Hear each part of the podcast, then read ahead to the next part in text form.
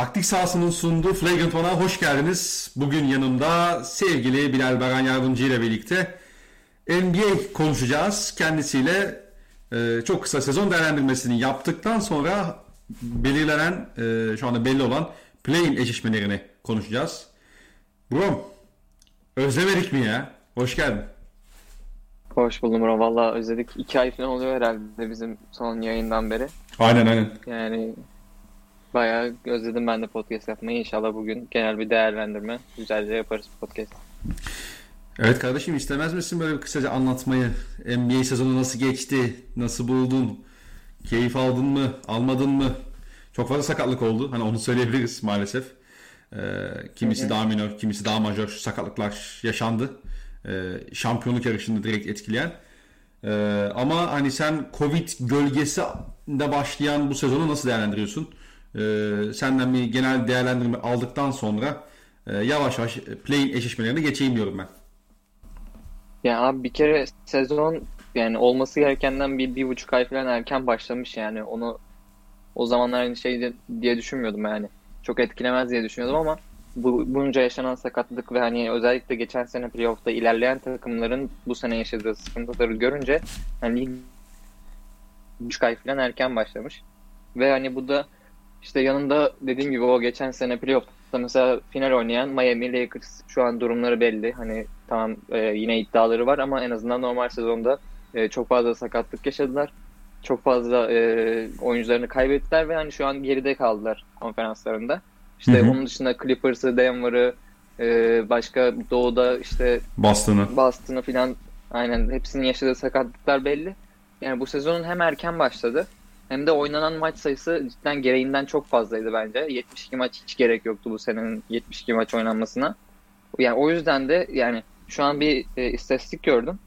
Bu sene sadece 5 tane ilk 5 oyuncusu maç kaçırmamış abi yani 5 tane. Jokic, Duncan Robinson, Bogdanovic e, şeydeki Utah'taki, Michael Bridges ve şey RJ Barrett yani 5 tane ilk 5 oyuncusu maç kaçırmamış. Geri kalan bütün ilk 5 oyuncuları bir, bir tane bile olsa maç kaçırmış yani. Ve 30 takımın 20 tanesinde de hiçbir oyuncu sezonun tamamını oynamamış. Yani böyle bir sezonda zaten keyif almak cidden zor yani. Ben burada falan yaklaşık NBA'yi takip ediyorum. Hani 6-7 senedir ciddi ciddi normal sezonunda izleyerek, playoff'ları da izleyerek böyle bir e, takip ediyorum. Yani şu ana kadar cidden en zevk almadığım normal sezondu diyebilirim bu sezon için. Hani bir ara bir kıpırdanır gibi oldu hatta podcast'te de konuşmuştuk biz seninle. Hı hı. E, sezon ısınıyor. Ama hani ondan sonra da e, tam o sıralarda galiba LeBron gitti. İşte Lakers sallantıya girdi. İşte Celtics'te sürekli sakatlıklar oldu. Brooklyn zaten e, beraber 7 maç oynayabildi o büyük güçlü falan filan derken yani benim için cidden e, özellikle son 1-2 ayında eziyete dönem oldu. Yani kısa değerlendirmem bu şekilde. Sen sen de istersen söyle, söyle söylemek istediklerini. Ya şöyle senin söylediklerine çok fazla hani ekleyeceğim bir şey yok benim de en azından bu kısımda. Ama biraz da eğlenceli tarafına bakacak olursak da ben bu play'in işinin eee, geçer not aldığını düşünüyorum. Hani birçok insanın gözünde de. Çünkü işte en basitinden tamam hani son dönem saldı yani işte eee, şey iddiası çok fazla kalmayınca işte atıyorum Toronto Raptors ya da işte Chicago Bulls gibi takımlar. Eee, ama son haftaya geldiğimizde işte en basitinden New Orleans Pelicans'ın, Sacramento Kings'in hala bir play-in iddiası vardı. Bu Batı konferansında 12 takım demek. Ee, 12 takımın Hı hı. bir iddialı şey bir iddia ortaya koyması demek. Kazanmak için ortaya bir hedef e, sunması demekti.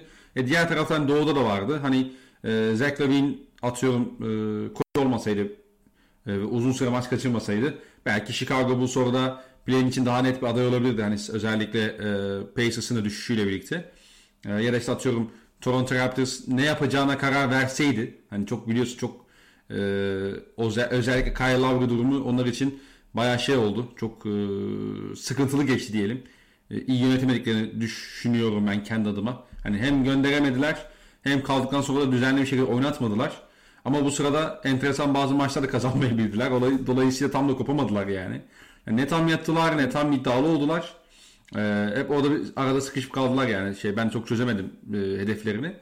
Ama sonuç olarak hani 24 takımın aşağı yukarı e, Mayıs ayına geldiğimizde kazanmak için ortaya koyduğu bir hedef vardı.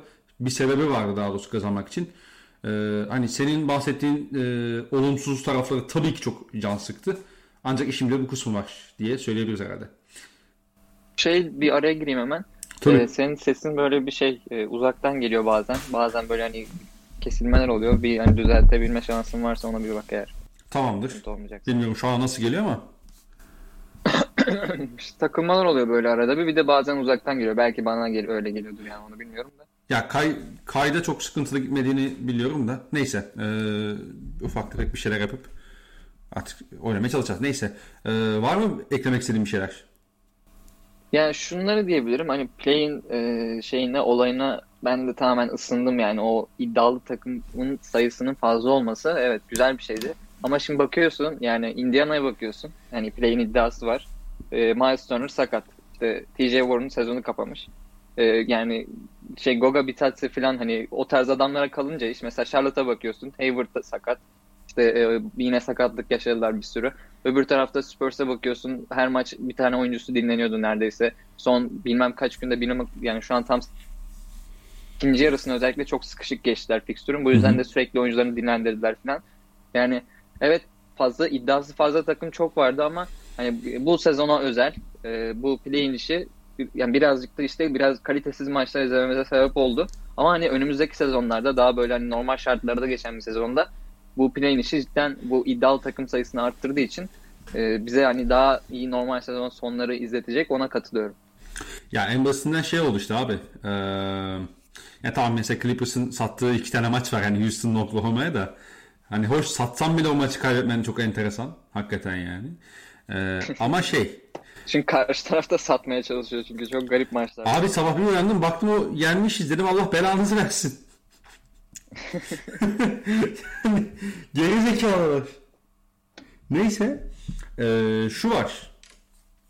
Ee, play'in alakalı. Abi normal işte Lakers'ta Denver şey Lakers'ta Portland oynuyor mesela sezonun sonlarına doğru. Normal şartlarda ikisi de çok inanılmaz kasmazdı o maçı.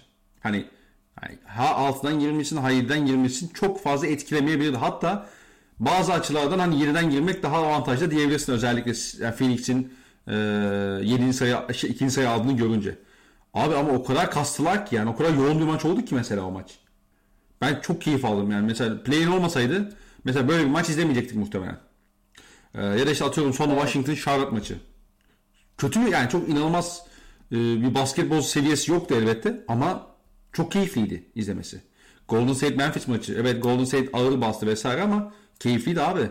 Hani e, ortaya bir şey koyuyorsun. 8. yarışı dışında ortaya e, ekstra koyduğun bir hani işte ilk 10'a girmek var. 7, 7'den kaçmak, işte 6'ya tutunmak var. Yani dolayısıyla e, ben çok e, şey yaptım ya. Çok keyif aldım yani onu söyleyebilirim. Bütün bahsettiğim Peki, şeylere şey- sıkıntılara rağmen. Bir şey daha soracağım sana. Onun hakkında ne düşünüyorsun? Yani ben katıldığım için değil sadece senin fikrini merak ettiğim için soruyorum. Bugün şeyle Bill Simmons'la Ryan Russell- Russillo'nun yaptığı şey dinledim, podcast dinledim.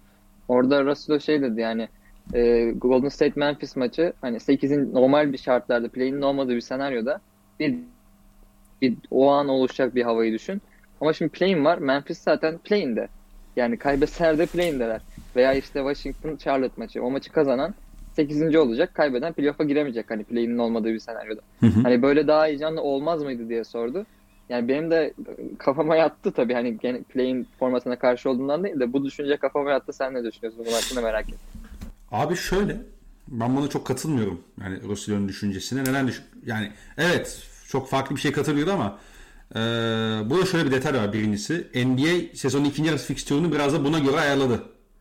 Hani Evet doğru. biz bir Charlotte Washington maçını pek görmeyebilirdik yani e, normal sezonun sonunda. Ya da bir- atıyorum bir Memphis e, şey maçını, Golden State maçını. Dolayısıyla hani burada bir şey var. Ha diyelim ki böyle bir ayarlama oldu ya da işte hani sezon başı ayarlandı ve denk geldi işte 3 sezon önce e, Denver'la Minnesota'da olduğu gibi diyelim. Evet çok keyifli olurdu evet ama yani mesela şu Charlotte e, Washington maçından daha ne kadar yoğun bir maç olabilirdi ki o maç. Yani ne kadar isteyebilirdik Yani. iki takımda. Yani play'in bir de zaten bu işin olmasını garantiliyor biraz. Öyle bir avantajı var. Yani bu her sene denk gelmez bu 8. lig maçı. Aynen, Sekizinci aynen yani. Oynayacağı 8. lig maçı. Ama A- play'in her sene diyor ki ben göstereceğim size bu maçı yani. Artı olarak e, yani 7-8'e düş kalmakla 9-10'a düşmek arasında ciddi fark var abi ne olursa olsun psikolojik anlamda. Evet. Yani Golden State'sin işte Memphis'e kaybettin diyelim 9'a düştün. San Antonio tamam kağıt üzerinde San Antonio'dan daha iyi bir takımsın. Sen işte serinin en iyi oyuncusu sende falan filan. Ama abi hadi Curry'nin o gün kötü maçına denk geldin. Ya da Curry'e 3 kişi savundu. Wiggins o şutları sokamadı. İşte Toscana Anderson o şutları sokamadı. Kent Bazemore o şutları sokamadı. E ne yapacaksın? Eğlenebilirsin yani. Hani eğleneceksin daha doğrusu. Ama en azından bu 8.liğe tutunmak, 7.liğe 8.liğe tutunmak sana orada bir şans daha veriyor ve bu gördük ki en azından hani 4 takım içinde o şansı almak çok e, önemliydi. Yani onu onu söyleyebiliriz. Doğru katılıyorum. İstersen yavaş yavaş eşleşmelere geçelim. Ee, ben Batı ile başlamak istiyorum abi müsaadenle. Tamam. Şimdi yıllar boyunca bizi final maç final serilerine alıştıran LeBron James, Stephen Curry ve Draymond Green şu anda playoff'ta 7. sıradan playoff'a 7. sırada girmek için bir play maç oynayacaklar. E, LeBron ben son sakatlıktan sonrasını pek izleyemedim. Hani bir iki maça denk geldim kötüydü ama hani son hafta işte e, Pacers maçını daha gördüğüm kadarıyla daha iyi oynamış. Davis döndü. Golden State'te işte Kelly dışında eksik yok. nasıl bir maç bekliyorsun ya? Ben çok heyecanla bekliyorum maçı. Dört gözle bekliyorum ama hani nasıl bir maç olur sence? Golden State'in özellikle son Memphis maçı e, muhtemelen sana da bazı ipuçları vermiştir. Hani e, nasıl bir eşleşme öngörüyorsun? Öyle başlayalım biraz genel sonra detaya ineriz. Yani şimdi tek maçlık bir şey olduğu için bu format olduğu için yani işin teknik taktik kısmı bence e, bir playoff serisine göre biraz daha arka planda kalıyor. Hani e, o kısmı biraz daha geride tutacağım o yüzden ben de. Yani şimdi bu öncelikle zaten yani Adam Silver'ın dediğin gibi şey e, hayal hayali bu olurdu yani sezon başında bir şey istese, isteyecek olsa play'in maçlarını daha ilginç hale getirmek için böyle bir şey hayal ederdi önce. Çok fazla hikayesi olan bir maç cidden. Yani bu bize e, herkes yani tabii doğal olarak Curry ve LeBron üzerinden bakıyor ama mesela yani şey Wiggins'in de 2014'te Cleveland tarafından seçilmesine rağmen e, LeBron oraya geldiği anda onu takaslayıp Kevin Love'ı getirdi. Hani Wiggins için de bir intikam maçı falan hani tabii ne kadar intikam alabilir yani uğraşsa yüzde yüzüyle oynasa ne kadar intikam alabilir orası ayrı bir konu ama onun için de ayrı bir anlamı var mesela bu maçın.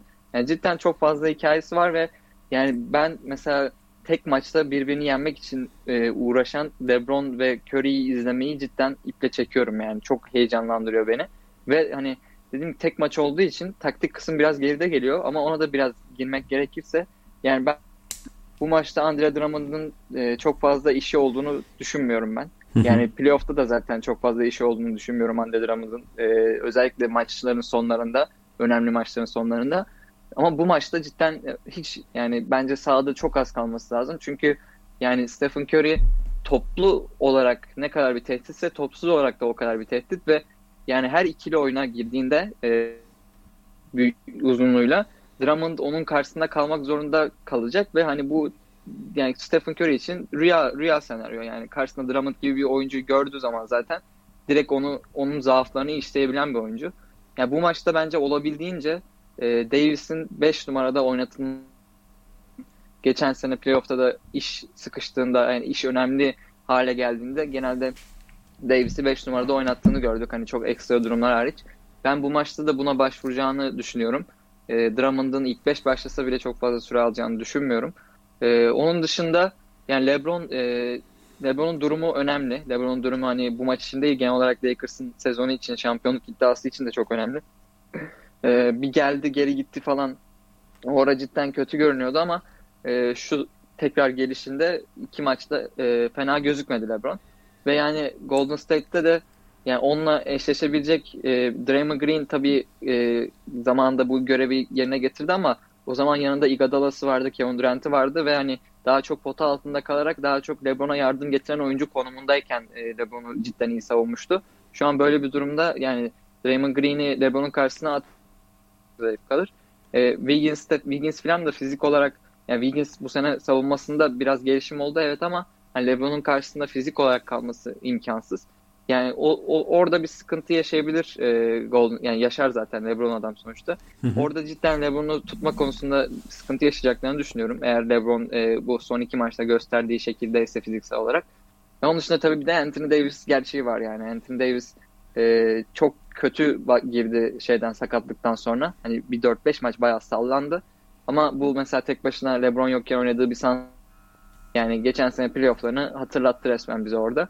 Yani onunla eşleşebilecek özellikle 5 5'e beş, geçtiğinde Anthony Davis onunla eşleşebilecek e, bir oyuncuları da pek yok.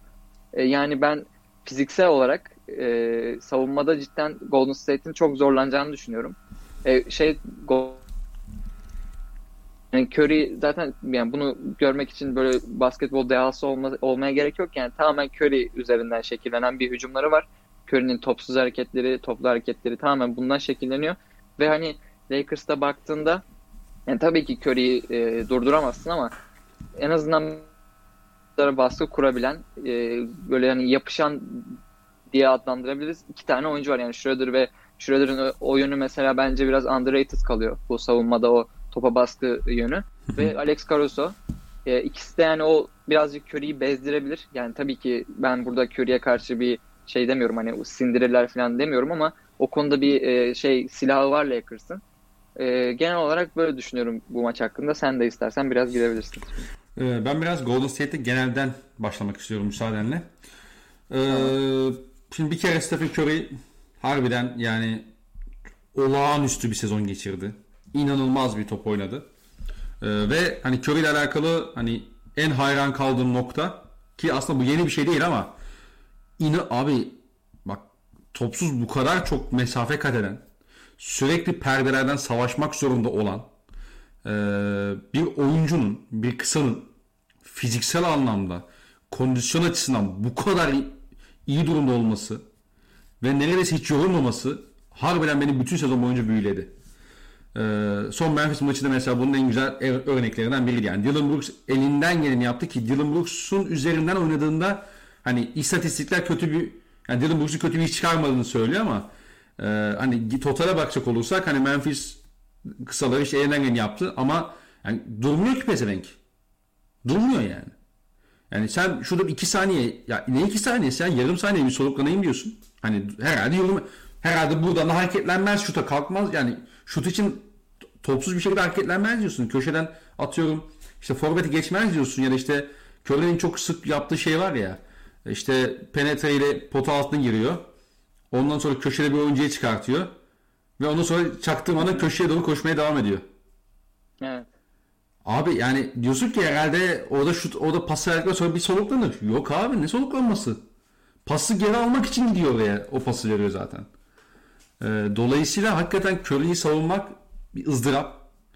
Ee, dolayısıyla bunu hani işte ben işte Matthew Dellavedore'ya verdim işte tamam kesin çözdüm bundan sonra diyebileceğim bir durum yok. Yani getir o 2015 Matthew Dellavedore'sını getir. işte Fred VanVleet'in getir. Zor abi yok yani. Yo abi o Matthew Dellavedova literally hastanelik olmadı mı zaten? Evet evet. Şeyden sonra. İkinci, üçüncü maçtan sonra. Yani evet. Ama getir bak o Matthew Dellavedova'ya getir abi. Şu anki Curry ile o anki Curry arasında da çok ciddi fark. Yani çok ciddi demeyeyim de daha iyi bu. Yani Curry o, o, o Curry'den şu anda daha iyi bir oyuncu. Çünkü Steve Kerr onu özellikle son 2-3 yıldır Houston 2018 Houston serisinden sonra bence onu Curry'i daha iyi kullanmaya başladı. Şimdi Golden State hücumunda çok sık şey görüyorsun. Topu Draymond Green getiriyor. Ee, hem açık alanda hem yarı sahada. Stephen Curry, yani hücumları genelde Stephen Curry'nin e, ne derler back screen ile başlıyor abi. Gidiyor mesela Andrew Wiggins'e bir back screen koyuyor. Bu Andrew Wiggins'in zaman zaman işte alley bitirmesine yol açıyor. Hani e, savunmacı geride kaldığı için. E, sen burada alley bir hamle yapıyorsun mesela yarım saniye. Bu Curry'nin dışarı çıkarken bomboş kalmasını açıyor mesela. O verdiğin en ufak boşluk gidiyor zaten. Ve nereye hareketleneceğini de her zaman kestiremiyorsun. Hani hangi hareket yapacağını tam anlamıyla kestiremiyorsun. İşte e, Golden State'de mesela bence iki tane çok kritik nokta var. Özellikle son dönemde yükselen performansların. Hani Curry'nin bireysel performansının yanı sıra. Hani Curry'nin performansını kenara koyalım. Bir, Kelly Oubre çıktı. Sakat diyebiliyorum. Uzun zamandır oynamıyor. Oraya Kent Bazemore attılar. Kent Bazemore ne, ne getiriyor sana? En basitinde top çarçur etmiyor sürekli kendi skoruna giren bir oyuncu değil. Yani e, şut geldiği zaman atıyor. Savunmada da işte hani toplu oyun savunmasını elinden geleni yapıyor falan filan. Bu ne oluyor abi? Curry'nin eline daha fazla top gelmesi. To- Curry'nin üzerine çok daha fazla ucumu dönmesi yol açıyor bu. İkincisi e, takımdaki rol oyuncuları Stephen Curry ile aynı takımda olduklarının farkına vardılar nihayet. Yani sezon başında bunun en çok farkına varan ve bunun üzerine duran oyuncu Draymond Green de tabii ki. Hani Green mesela boş kalıyor tepede atmıyor üçlüyü. Hemen hop hop hemen bir handoff'a çeviriyor oyunu. Yani yine Curry üzerinden gidiyor mesela. Hani bu Draymond'ın şut atmaması, işte skoruna neredeyse hiç bakmaması elbette bazı noktada eksi yaratsa bile bu şu şey yapıyor abi. Ben kötü şutörüm. Benim elimde tarihin en iyi, şutör, en iyi skoreri var. En iyi şutörü var daha doğrusu pardon. Dolayısıyla ben olabildiğince onu arayayım. Yani şu anda mesela bakıyorsun Toscana Anderson'ından tut işte ee, yani Jordan Poole bir şutör aslında hani pek o iyi bir örnek olmadı ama olmayacak en azından. İşte Andrew Wiggins ne kadar işte Kevin Looney'sinden işte Mulder'ına kadar daha fazla körü yarıyorlar mesela. Daha fazla körü üzerinden şekillendiriyorlar hücumları ve bu onların hücumlarını da artı değerde katıyor. Şimdi şuna gelecek olursak senin bahsettiğin kritik nokta var. Ee, Golden State'te Anthony Davis ve LeBron James'le eşleşebilecek iki tane oyuncu yok. İkisiyle de ayrı ayrı eşleşebilecek bir tane oyuncu var. Ama sıkıntı şu biraz. Draymond Green ne kadar özel bir birebir savunmacı olsa bile hala e, ben Draymond Green'in serbest savunmacı olarak takılmasını isterim. Ama benim bunu yapabilmem için ikisinin de karşısına atabileceğim oyunculara ihtiyacım var. Şimdi hadi diyelim yapamayacağız zaten şey yapamayacaksın. Zaten ezip geçecek LeBron da. Hadi diyelim sen oraya şey attın kağıt üzerinde. Verdin işte Andrew Wiggins'i. E baba şeyin karşısına kim vereceksin? Yani Kevin Looney'le savunacak hali yok ya. Anthony Davis'i. Nereye savunuyorsun yani? E, Draymond Green'i vermen lazım. Bu dolayısıyla tabii ki Draymond Green'i özel yapan, yani savunma, savunmasını daha da özel kılan e, şeyden biraz elinden alıyorsun. Ha hala savunmada özel bir performans göstermesini bekleyebiliriz Draymond Green'den. Ama e, hani bu sefer Draymond Green'ciliği başka oyunculardan bekleyeceksin ve bunu yapabilecek bir oyuncusu yok klip şey e, Golden State Warriors'ın. Diğer taraftan Stephen Curry etrafında evet işte mesela bu sene e, Andrew Wiggins şutunu geliştirdi. E, işte bench'ten mesela birkaç tane e, şapkadan tavşan çıkartabilen oyuncu da buldular bu sene işte özellikle Jordan Poole gibi. Hoş Poole geçen sene de vardı da. E, işte Toscan Anderson'ı ben beğeniyorum. İyi bir rol oyuncusu, iyi savunmacı, işte birkaç pozisyon savunabilen ee, ve Golden State'in kısa 5 oynamasına biraz yardım, yani yardımcı olan da bu oyuncu Draymond Green yanına falan filan. Ama e, bu da şöyle bir sıkıntı var hala. Top Draymond Green ya da Stephen Curry'nin elinde olmadığında orada topu yere vurup bana sağlıklı karar ver diyebileceğim bir oyuncu yok. Andrew Wiggins kendini bu sene bir skorer olarak geliştirdi. Özellikle ona Golden State çok fazla şey üzerinden e, ikili oyun çözüyor forvetler üzerinden ki o da rahatça işte orta mesafesine gitsin ya da işte potaya gidip o da e, pota çevresini bitirmeye çalışsın ya da işte pull up şuta kalksın diye. Ama mesela Andrew Wiggins topla hadi karar ver dediğin zaman en sağlıklı karar verebilecek oyuncu değil. Bu bir. İkincisi Kevin Looney dediğimiz oyuncu pota çevresinde bile tehdit değil ya. Yani veriyorsun topu işte turnike atmasını bekliyorsun. Turnike airball, turnike atarken airball atan bir adamdan bahsediyoruz. Ve sen orada yardım savunması LeBron James üzerinden ya da Anthony Davis üzerinden getireceksin mesela. Hani o zaafı daha da ortaya çıkacak. Draymond Green özel bir karar verici işte e, o dördü üçlü yönetmede bir şey haline geldi en nihayetinde. Bir marka haline geldi. Ama e, ben pota altını Anthony Davis'e savunabilirsem yani o yardım savunması üzerinden ya da LeBron James savunabilirsem e, Golden State'in bu hücumunu gerçekten sekteye uğratabilirim. E, bu önemli bir sıkıntı Golden State Warriors için. Savunmadaki problemlerden bahsettik zaten. Şimdi ben şeyden yani senin gibi düşünüyorum bu arada Andre, Andre Drummond konusunda. Ben Drummond'ın çok fazla sahada kalacağını düşünmüyorum. Neden düşünmüyorum? Yani 15 dakikasını oynar yine muhtemelen. Hani ben şöyle düşün 15 dakika oynasa 15 dakikada işte 15-20 dakikada Montrezl oynasa mesela atıyorum. Curry'nin olmadığı bölümlerde falan. Hani bir 15 dakika falan herhalde Anthony Davis'i bir şeyde görürüz. 5 ee, numarada görürüz gibi geliyor bana. Ee, işte burada şey kritik olacak. Hani Golden State özelinde yani çok şey yaptık. Hani nasıl eşleşecek bunlar diye düşünüyoruz. Burada kritik nokta biraz şey olacak aslında. İşte orada bir şey çıkarması lazım. Yani Curry'nin dışında Golden State Warriors'ın kritik noktası şey olacak. Yani bir tane adam çıkartabilecek miyim ben? Yani bu Andrew Wiggins olur. işte Jordan Poole olur. Ya da başka biri olur. İşte Kent Bazemore olur. Yani Golden State'in bu maçı kazanması için Curry'nin özel bir performans sergilemesi lazım. Bütün bu savunma şeyine rağmen hani e, Lakers'ın potansiyeline rağmen bir şekilde her fırsatını bulduğunda kaldırıp boşlukları sokacak. Bir tane de ekstra skorer bulması lazım Golden State'in. Yoksa harbiden çok zor işi.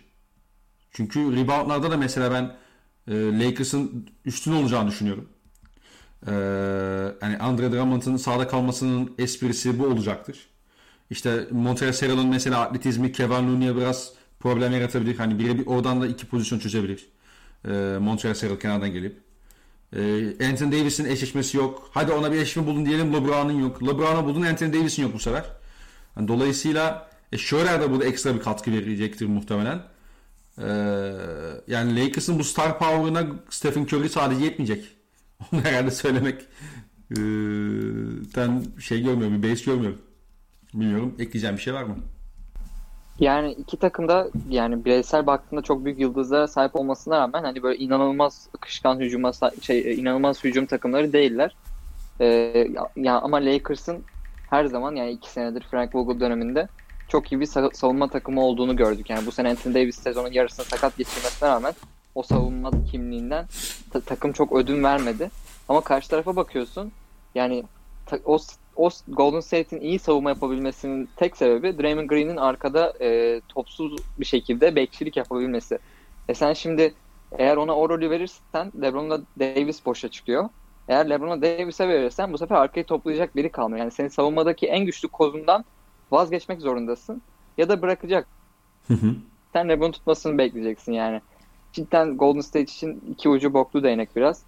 Ben yani tabii ki şey demek istemiyorum hani tek maç tek maç sonuçta hani Curry çıkıp hı hı. 14 tane üçlük atar. Yani yapar bunu gördük. Yani bir ayda kaç kere 10 tane üçlük attı. 10 üstü üçlük attı. Yani yapabilir bunu. Curry'e karşı tek maçta ben şey demek istemiyorum. Hani kesin kazanamazlar demek istemiyorum. Ama yani o Lakers'ın fiziğiyle, Lakers'ın o savunmasıyla cidden baş edebileceklerini hiç düşün ee, bu, kadar bu, bu maç hakkında düşünceleri. Ee, anladığım kadarıyla sen de benim gibi Lakers'ı bir adım öne görüyorsun. Ya da hatta belki iki Hı-hı. adım. Evet, evet. Ee, peki ee, geçelim abi şey ikinci ikinci eşimimize geçelim batıdaki bir anda kafa gitti. Ee, biraz daha az eğlenceli gözüken Memphis Grizzlies San Antonio Spurs eşleşmesi. Ee, şimdi Memphis benim çok büyük saygı duyduğum ve bu sezonun en güzel hikayelerinin biri olduğunu düşündüğüm ve buralarda olması da beklediğim bir takım. Yani insanlar Memphis'e çok fazla şans vermiyorken biz yazdık Knights'a. Dedik ki bu takım play'inde olur. Yani oralarda olur. Artık playoff'a kalır mı bilemem ama. Burada kendimize bir ödül verelim yani sezon daha başlamıştı. 3 maç olmuştu. Benim geldiğim ilk podcast'te biz yani New Orleans'ın buralarda olmayacağını söylemiştik mesela hani Memphis daha iddialı takım, San Antonio daha iddialı takım demiştik. Buradan kendimize bir fayda çıkaralım. Yani kendi reklamımızı yapmayacaksak kendi podcast'imize öyle değil mi yani? Aynen öyle. ee, şimdi yani Memphis aslında iyi bir yani aslında play öncesi bir play maçı yaptı. Bu e, yani Golden State maçı onlar için aslında iyi de bir sınav oldu. Tabii ki yani San Antonio çok daha farklı bir takım ama en azından o e, final maçı havasını geçen sezonlardan bu sene de bir e, Golden State maçı tatmış olmaları bence önemliydi. Genç bir takım için. E, ben Memphis'i biraz önde görüyorum. Bilmiyorum sen ne düşünüyorsun bu eşim hakkında. Ama San Antonio ile alakalı mesela San Antonio bu seriyi sence nasıl yani bu hep playoff şeyine geldiğimiz için otomatikman seri diyorum ama yani bu maçta San Antonio'nun şansı artacaksa nasıl artacak abi? Sen ne düşünüyorsun? Abi bence yani burada en büyük e, şey yine tek maç olduğu için yani Camorant'in zaaflarını ne kadar ortaya çıkarabileceklerine göre çıkarabileceklerine e, oranla artacak yani San Antonio'nun şansı. Hı hı. Yani biz ge- geçen seneki play-in maçlarında da bu seneki işte son maçlarda da hani rakip takımların Morant'in e, şut zaafına çok yüklendiğini gördük. Yani bir Antetokounmpo kadar neredeyse ondan faydalandık, faydalandıklarını gördük. E, ve Spurs'te de bundan faydalanabilecek oyuncular var. Yani ligin en özel guard savunmacılarından biri de Can Tömeri var. Kolları uzun. Mesela hani Can Morant iki adım geriden savunduğunda da de, savunduğunda Can, Dejan Tömeri yani çok fazla pas kanalını kitleyecek o uzun kollarıyla mesela.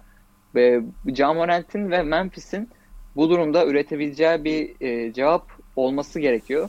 Eğer o o işi e, çok kolay çözemezlerse yani San Antonio buradan ciddi bir avantaj yakalayabilirse DeRozan da bu sene e, her zaman sıkıntılı olan bir oyuncu tabii ki ama bu sene e, DeRozan'ın maç kapatma e, özelliğinin biraz daha geliştiğini gördük. Hani bazı maçlarda tamamen yani çoğu maçta da tamamen ona verdiler topu ve hani tamamında olmasa da çoğunda e, bir şekilde maçı bir yerlere getirebildi DeRozan. E, bu tek maçlık seride de yani biraz da tecrübe işin içine giriyor. Ben o yüzden hani Camorant'ın zaaflarından ne kadar faydalanabilecekler ve maç sonunda maç sonunu yakın geçir yakın gelirse DeRozan o işi ne kadar kotarabilecek? Bunlara bağlı olarak Spurs'un e, böyle hani 51'e 49 falan önde olduğunu düşünüyorum. Hani çok ortada bence. Ama hani dediğim gibi bir, bir gıdım önde olduğunu düşünüyorum Spurs'un bu saydığım nedenlerden ötürü. Ya tabii. Orada bir de tabii Greg Popovich şeyi de var en nihayetinde. Detayı yani, da var. Onu, onu da atlamamak lazım. Hani doğru söylüyorsun. Ama şöyle bir sıkıntı var abi. Ee, yani Memphis'in ne kadar çok işlenebilir zaafları varsa San Antonio'nun da en az onlar kadar çok zaafı olan bir takım olduğunu söylemekte fayda var. Şimdi e, top DeMar DeRozan'ın dışında bir oyuncuya geldiği zaman biz şunu görüyoruz. E, San Antonio çok tıkanabilen bir takım. Şimdi senin ana top yönlendiricin DeMar DeRozan zaten orta mesafede evet özel bir oyuncu ama e, maalesef oyununu bir türlü orta mesafesinin dışına ta, e, taşımadı. Taşımadı, taşıyamadı, olmadı neyse artık. Şimdi bu bir kere zaten hani e, bana soracak olursan Valanciunas gibi bir oyuncunun sağda kalmasına yol açacaktır otomatikman. Bu bir. E, Valanciunas'ın sağda kalması önemli bu takım için. İkincisi e, ben Memphis'in yıldız oyuncusunun yanında e, olan parçalara daha çok güveniyorum. Şimdi Jaren Jackson Jr. Evet mesela karşısında Calvin Johnson gibi hani iyi bir savunmacı olacaktır işte fiziksel mücadele kaçmayan işte e, hani kolay kolay yenilmeyen bir oyuncu olacak evet ama e, mesela fiziksel size anlamında uzun bir oyuncu şeyden kendi skorunu üretmeye de başladı geçen sezon Bubble'la birlikte. Şimdi e, Camuren işlemedi diyelim. Memphis buradan gidebilir. İşte Dylan Brooks e, deli dolu bir oyuncu. Zaman zaman o deli doluluğu ona zarar veriyor. Takıma zarar veriyor. Ama hani Dylan Brooks bize şurada iki pozisyon üstte skor üretebilir diyorsun. E, rebound işte takım e, açık alan bulur oradan etki olur diyorsun. San Antonio'da özellikle ben Dömer DeRozan dışında ya bana şuradan iki skor üretir diyeceğim oyuncu yok. Calvin Johnson skor üretiyorsa bunu tamamen sağlayan DeMar DeRozan. Jakob skor üretiyorsa bunu sağlayan o. Yine işte Lonnie Walker o potansiyel gösterdi ama oyuncu olamadı şu ana kadar. Ee, biraz Dejante Murray var ama Dejante Murray de yarı sah- yani yarı sahada orta mesafesinin dışından üretebilen de başka bir oyuncu da değil.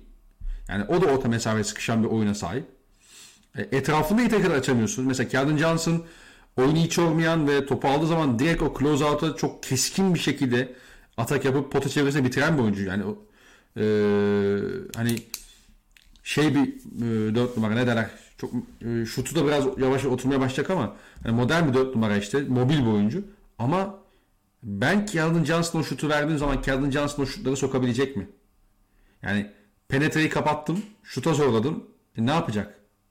Jakob Pöttl Valanciunas'la eşleşebilecek bir oyuncu. Ama e, Jakob Pöttl'ün hücumda bir tehdit haline gelmesi için Demar DeRozan'a ihtiyaç var. E, Valanciunas'ta böyle bir durum yok. Yani Valanciunas'a topu veriyorsun posta ve üretebiliyor. Yani e, Camorant belki takımın ana oyuncusu olarak e, daha fazla defoya sahip olabilir. E, Demar DeRozan'a nazaran. Ama ben e, Memphis'in bunu daha dengeleyebilecek, daha iyi dengeleyebilecek, onu daha hani taşı e, o defoları taşıyabilir hale getirecek bir yan parçası, yan ekibin olduğunu düşünüyorum. Bir e, rol oyuncularım olduğunu düşünüyorum. Dolayısıyla ben Memphis'i önde yazıyorum. Bir de San Antonio çok kötü durumda abi. Hani e, son 13 maçın 4'ünü ne kazandılar? E, hiç yani ritimden tamamen çıkmış bir şekilde gidiyor. Yani o da çok onların canını sıkacaktır yani bu maçta. Yani bu iki takım da aslında hani e, şey olarak e, hani oynadıkları oyun falan anlamda demiyorum ama böyle kadro yapıları olarak biraz benzer takımlar. Hani çok böyle başüstü oyuncuları oyuncu iki takımda da yok. Ama iki takımda e, böyle hani basketbolda bu, bu tarz takımların e, nasıl başarılı gösterecek şekilde bir oyun oynadılar. Yani iki takım da mesela çok fazla top kaybetmiyor. E, hı hı. Savunmada e, bir şekilde bir gayret gösterebiliyor. E, rotasyonları Memphis bu konuda daha avantajlı. Rotasyonları biraz daha fazla. Yani bu iki takım da bu, böyle küçük şeyleri yaparak biraz aslında başarılı oldular bu, bu normal sezonda. E şimdi bakıyorum yani sen Spurs'un hücumdaki zaaflarından bahsettin. Kesinlikle katılıyorum bunlara. Ama hani ben mesela Memphis'te de hani Jaren Jackson Jr. çok beğendiğim bir oyuncu ama bu sene döndü. Hani çok böyle şey dönmedi. Hani e, hayal ettirdiği topçu gibi dönmedi. Zaten hani bu bir sorun da değil. Hani geleceği çok parlak bir oyuncu. Ona ben hala şey onda bir beis yok da hani bu sezon özelinde, bu maç özelinde e, çok diri dönmedi Jaren, Jackson Jr. E, Dylan Brooks mesela benim yani bu kadar istikrarlı yanlış karar veren başka bir oyuncu NBA'de yani çok nadirdir. Hani bir elin parmağını geçmez. Ben Dylan Brooks'un o oyunu hiç sevmiyorum ve bu tek maçlık sistemlerde Dylan Brooks gibi oyuncular biraz senin elinde de patlayabilir. Yani o topu ona verdiğin zaman sana geri vermiyor çünkü. Yani o bir şekilde kendi şutunu yaratıp atmaya çalışıyor. Ve hani çok kötü şutlar seçiyor. Hani cidden çok kötü şutlar seçiyor. Ha, attığı da oluyor ama nadir oluyor ve böyle tek tek maçlık bir e, şeyde forma istemeyeceğim bir oyuncu yani. Çünkü dediğim gibi elinde patlama ihtimali çok yüksek olan bir oyuncu. E şimdi baktığım zaman hani iki takımda da e, bu, hücumlarında olsun, savunmalarında olsun ciddi zaaflar var. Ben o yüzden yakın bir maç geçer diye düşünüyorum. O yüzden de Spurs'u biraz önde görüyorum açıkçası. Yakın maç geçtiği zaman çünkü Memphis'in hep bocaladığını gördük biz yani e, şeyde play maç geçen seneki play maçında da Portland'a karşı bocalamışlardı. E, bu sene son Golden State maçında yine e, çok iyi bir performans gösteremediler. E, Spurs dediğin gibi çok yorgun. Çok e, ben de bahsedeceği arasında. Ama hani son bir maçlık daha gazlarının olduğunu düşünüyorum ben ve hani maç yakın geçerse cidden bence hani en güvenilir el sahadaki Demar DeRozan'ın eli olacak. Ben o yüzden Spurs dediğim gibi bir milim önde görüyorum. 51'e 49 diyorum yani. Ee, ya zaten e, sen yani Dylan Brooks'tan bahsettin. Ee, ya maçın en kritik adamı Dylan Brooks ya. Çünkü evet, maçın en kritik adamı Dylan Brooks'a senin için bence bu iyi bir şey değil. Hayır hayır yani ben... iki takım içinde yani totalde maçı gerçekten belirleyecek adam Dylan Brooks olacak büyük ölçüde. Çünkü e, bir kere DeMar DeRozan'ın karşısına atabileceğin en güvenilir, güvenilir savunmacın. Ee, ve Demar DeRozan'ın kendisinden biraz daha kısa bir oyuncu gördüğü zaman genelde post tapına giden ve oradan üretebilen bir oyuncu. Ama yani Dylan Brooks'u posta itemiyorsun. Birebir savunması gayet yerinde. Hani yüzlülük savunması da. Dolayısıyla e, Demar DeRozan'ın ben biraz problem yaşayabileceğini düşünüyorum böyle bir fizikselliğe karşı. Bir de hakemlerin tabii buradaki tutumu da belirleyici olacak. Çünkü hani sen kolay faal vermediğin zaman işte Demar DeRozan çizgiye gidememeye başladığında e, Dylan Brooks'un o agesi savunması San Antonio'nun kötü şut seçmesine yol açabilir ve bu kötü şutlar Memphis'i e, açık alan şansı doğurabilir. E, özellikle burada Jaren, yani John Morant'in vardı. Çok kritik tabii zaten. E, dolayısıyla hani hakem performansı da burada belki teraziyi bir yerden hani alıp diğer tarafa e, koyabilir gibi geliyor o ağırlığı. Ama e, yani şey işte Dylan Brooks abi dönüp dolaşıp ben Dylan Brooks'a geliyorum bahsettiğim gibi çok kötü karar veren bir oyuncu. Hatta istikrarlı şekilde kötü karar veriyor. Ama e, bunun olumlu yansıdığı maçlar da oldu. Onlardan birini yaşarsa hani ben e, Memphis'in açık konuşmak gerekirse e, biraz daha hani çok böyle 15-20 sayı olmasa da hani işte 3 topla falan fark oluşacağını yani işte nasıl söyleyeyim hani 107-99 falan kazanacağını düşünüyorum öyle söyleyeyim yani. Anladım. Bakalım. Dylan Brooks yani, kritik ülke. Şu an Memphis dedi yani daha iyi durumda zaten. Yani ben birazcık böyle Spurs kadrosuna olan sevgimden dolayı da biraz böyle subjektif bir şeyde tahminde bulundum biraz. Hı hı. Ama dediğim gibi yani e, maç yakın geçerse bence Spurs kazanır ve bence maç yakın geçecek yani bu yüzden Spurs kazanır diyorum. Güzel. Ee, abi buradan ben doğuya geçiyorum. Bir, varsa hani eklemek istediğim bir şey varsa tabii ki e, batıdaki eşime dair onu da alayım. Yoksa ben e, çok gevezelik yapacağımı düşündüğüm eşleşmeye doğru kaymak istiyorum yüksek müsaadenle. Şey diyeyim sadece e, bu hani 8. kim olur e, tahminimizde yapacak mıyız yoksa onu yapmayalım mı? Hani 9-10 kazananıyla 7-8 kaybeden arasındaki maçı kim kazanır tahmini. Şöyle ki e, ben Lakers'ın 7'yi alacağını söyle, söylemiş oldum e, haliyle. 8-9 eşleşmesi de Golden State ile Memphis arasında oynanıyor. Benim şeyime göre. Ve ben onun Golden State'i alacağını düşünüyorum. Ben de aynı şekilde düşünüyorum. Yani şey Spurs Memphis maçını kazanan ikinci maçta çok şanslı olduğunu düşünmüyorum. 7 Lakers, 8 Golden State olur bence de. Aynen. Yani Utah eşleşmesi ne tatlı olacak be. Yani Golden State'in. Neyse ona da zaten farklı zamanda değiniriz. Ee, yeri geldiğinde değiniriz. Şimdi Aynen. E, ben başlıyorum abi müsaadenle. E, 7-8 eşleşmesini Doğu'nun. E, Boston Celtics e, Washington Wizards'ı ağırlayacak ve hani o maçı kazanan e, 7. sıradan girip 2 numaralı e, Nets'in karşısına çıkacak e, Doğu playofflarında. Şimdi şunu söylemek lazım. E, Boston Celtics de şu anda sakatların durumu ne bilmiyorum. Yani son maçta neredeyse hiç kimse oynamadı. Vergi mükellefleri oynadı. Ee, hani ve Knicks'i az daha yeniyorlardı. o belki mükellefleri hakikaten biraz can sıktı. Ee, canlı sıktı yani New York Knicks e, dostlarımızın. Ama e, neyse ki sonunda kazanmasını bildi New York. E, şimdi herkesin sağlıklı kaldığı senaryodan devam edeceğiz tabii ki. Boston Celtics'in yani Washington Wizards'a karşı o kadar çok çözümü var ki bir birleşmelerden gidecek olursak en basitinden e, Jason Tatum'la eşleşebilecek bir oyuncusu yok bas şey Washington'ın. Yani, Tatum nasıl oyunculara karşı problem yaşayabiliyor abi biraz? E, şunu gördük. Geçen sezonki OKC maçında mesela biz, e, bizim sahada oynanan ya da işte hatta Boston'daki maçta da Chris Paul Jason Tatum'a hakikaten sıkıntı yaşattı. Nasıl sıkıntı yaşattı? E, bir posta topu aldığı zaman Jason Tatum itemiyor Chris Paul'u çünkü Chris Paul çok güçlü bir oyuncu. Yani boyunun çok üzerinde bir post savunmacısı. İki sürekli e, Tatum'un ball handlingine saldırdı. Nasıl saldırdı abi? Sürekli elini konu sokuyor. Sürekli o topa hamle yapıyor mesela savunmada. Ve bu onu çok bozmuştu. Yani ball handlingin keskinleşmediği için hala. E, benzer bir oyuncu olarak mesela Kyle Lowry gösterebiliriz. Bu bir, bu bir opsiyon. Böyle bir oyuncu yok Washington'ın. Mesela Russell Westbrook evet iyi post savunmacısı. Ama mesela Russell Westbrook Kyle Lowry kadar ya da işte Chris Paul kadar hani böyle sürekli savunmada nefesini yani ensenize hissedeceğiniz her hamlenizde savunmada kontra sav- hamle yapabilecek bir oyuncu değil. Ben bu sene savunmasının çok daha olgun olduğunu düşünüyorum. Daha iyi bir savunma performansı gösterdiğine katılıyorum. Ama yani bir Kyle Lowry değil. Bu bir. Yani İkincisi. Bir de faal, pro, faal problemine girme ihtimali de çok, çok yüksek. Tabii. Westbrook'un Tabii. topa baskı esnasında. Aynen evet. öyle. İkincisi, yani hoş bu sene çok fazla yaşamadı ama yaşamayacağı anlamına gelmiyor bu katılıyorum yani. Ee, ikincisi sizin elinizde işte Kevin Durant gibi bir fiziğine sahip bir savunmacı vardır. İşte OG Anunoby falan vardır.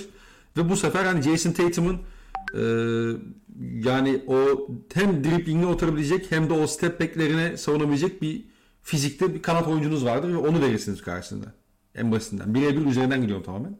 Öyle bir oyuncu yok ki. Yani o profile tek uygun adam Isaac Bonga. Isaac Bonga'ya sahaya atamıyorsun. Çünkü direkt sağ dışına atacak yani şey e, Brad Stevens. Biliyorsun bunu. Yani bu sene mesela bir normal sezon maçında işte Boston deplasmanında e, oyuna attı Isaac Bonga'yı şey e, Scott Brooks. İlk bölümde iyi de katkı aldı aslında hiç savunma kısmında. Ama e, bu sefer hiç savunmuyorlar ki abi. Isaac Bonga 5'te 0 ne üçlük attı mesela maç. Yani az oynadı yani 15 dakika falan ya oynadı ya oynamadı. 5 tane köşe üçlüyle veriyorsun ve hani Isak Bonga onların dördünü sokmadığı sürece bak 5'te 3 ile oynasın. İşte 5'te 2 ile 5'te 3 ile oynasın. Yine 6.da o şutu verirler. Hani o kadar özel bir şut performans göstermesi lazım ki Isak Bonga'nın rakipler artık ya baba bu adam bugün eli tutuyor. Ben bunu bu şutu artık vermeyeyim desin. Ya da işte Chandler Hutchison diyeceksin. Chandler Hutchison da Chandler Hutchison yani hani. E, tamam. Pardon Chandler Hutchison değil ya şey. Aynen aynen. Yok yok yok. Chandler Hutchison pardon pardon özür diliyorum. Ee, şey bir yana kafa şeyle şeye gitti.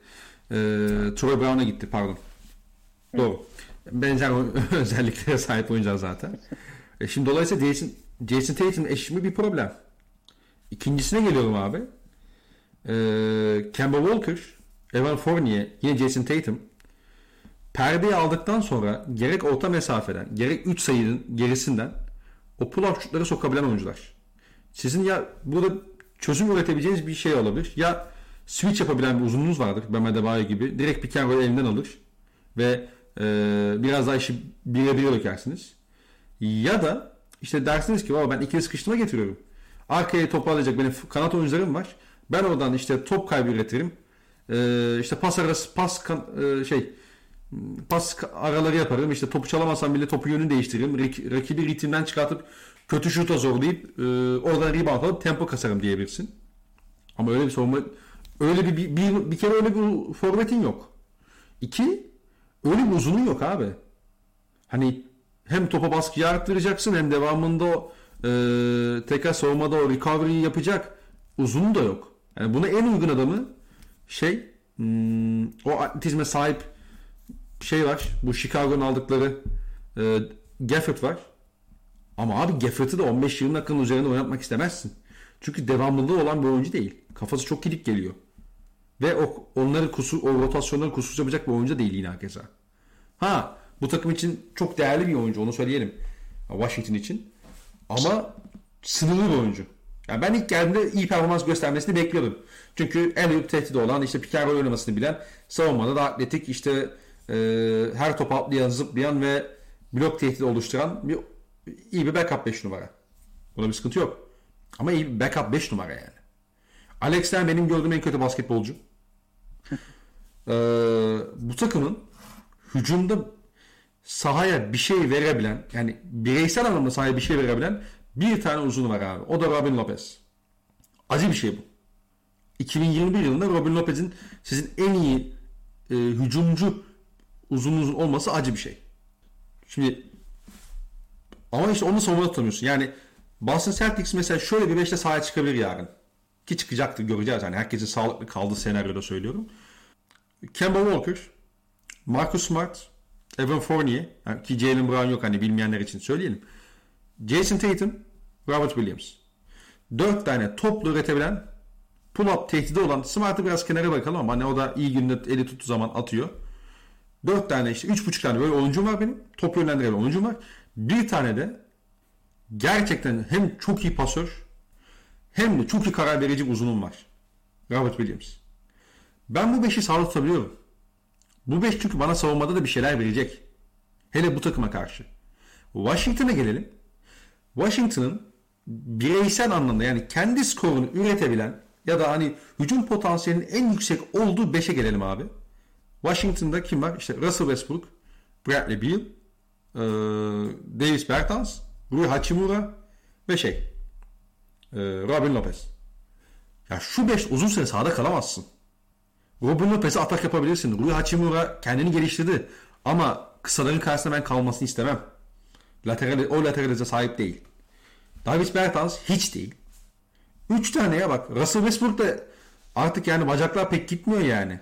Hani eski tamam o patlayıcılıktan bazı esintiler bizi sunuyor ara ara ama hani açık alanda genelde gösteriyor onları ve savunmada da mesela penetre penetresine gittiğin zaman yani penetre yaptığın zaman Westbrook çok kolay geçiyorsun. Hani genelde e, kolay geçiliyor ondan sonra toparlamaya çalışıyor falan filan işten geçmiş oluyor zaten. Dolayısıyla hani bir tarafta sahada en iyi 5 hücumcusunu aynı anda sahaya atabilecek bir takım. Diğer tarafta uzun süre bu 5'i sahaya atamayacak bir takım var. Bu büyük bir problem.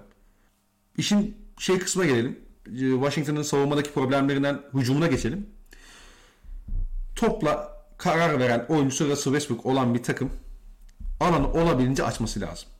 Biz bunu yıllarda zaten söylüyoruz ki bu şey değil. Hani üstatlık diye bir şey yok. Bunda çok basit bir denklem. Russell Westbrook gibi pota çevresi olması gereken orada etkili olan bir oyuncun varsa alanı olabildiğince açarsın. Ki Russell Westbrook pota çevresinde işte kember üstünde baskı kursun. Rakibi üstüne çeksin. Kendi pota altında bitiriyorsa bitirsin. Bitirmiyorsa dışarıya bu driving kickle boş şutörü bulsun. Houston'da biz bunu gördük. Hani Houston'da başka bir oyuncu evredi Westbrook ayrı bir konu da. Ne kadar efektif bir oyuncu olabildiğini biz geçen sene Houston döneminde gördük Covington takasından sonra. Hatırlarsın. Sakatlığına kadar. Hı hı. Şimdi böyle bir oyuncu, böyle bir oyuncu grubu yok şeyin Washington'ın. Ayrıca e, böyle bir oyuncu grubu pek olmadığı için Ben mesela istesem Marcus Smart'ı ya da Jason Tatum neyse artık şeyin üzerine tutabiliyorum.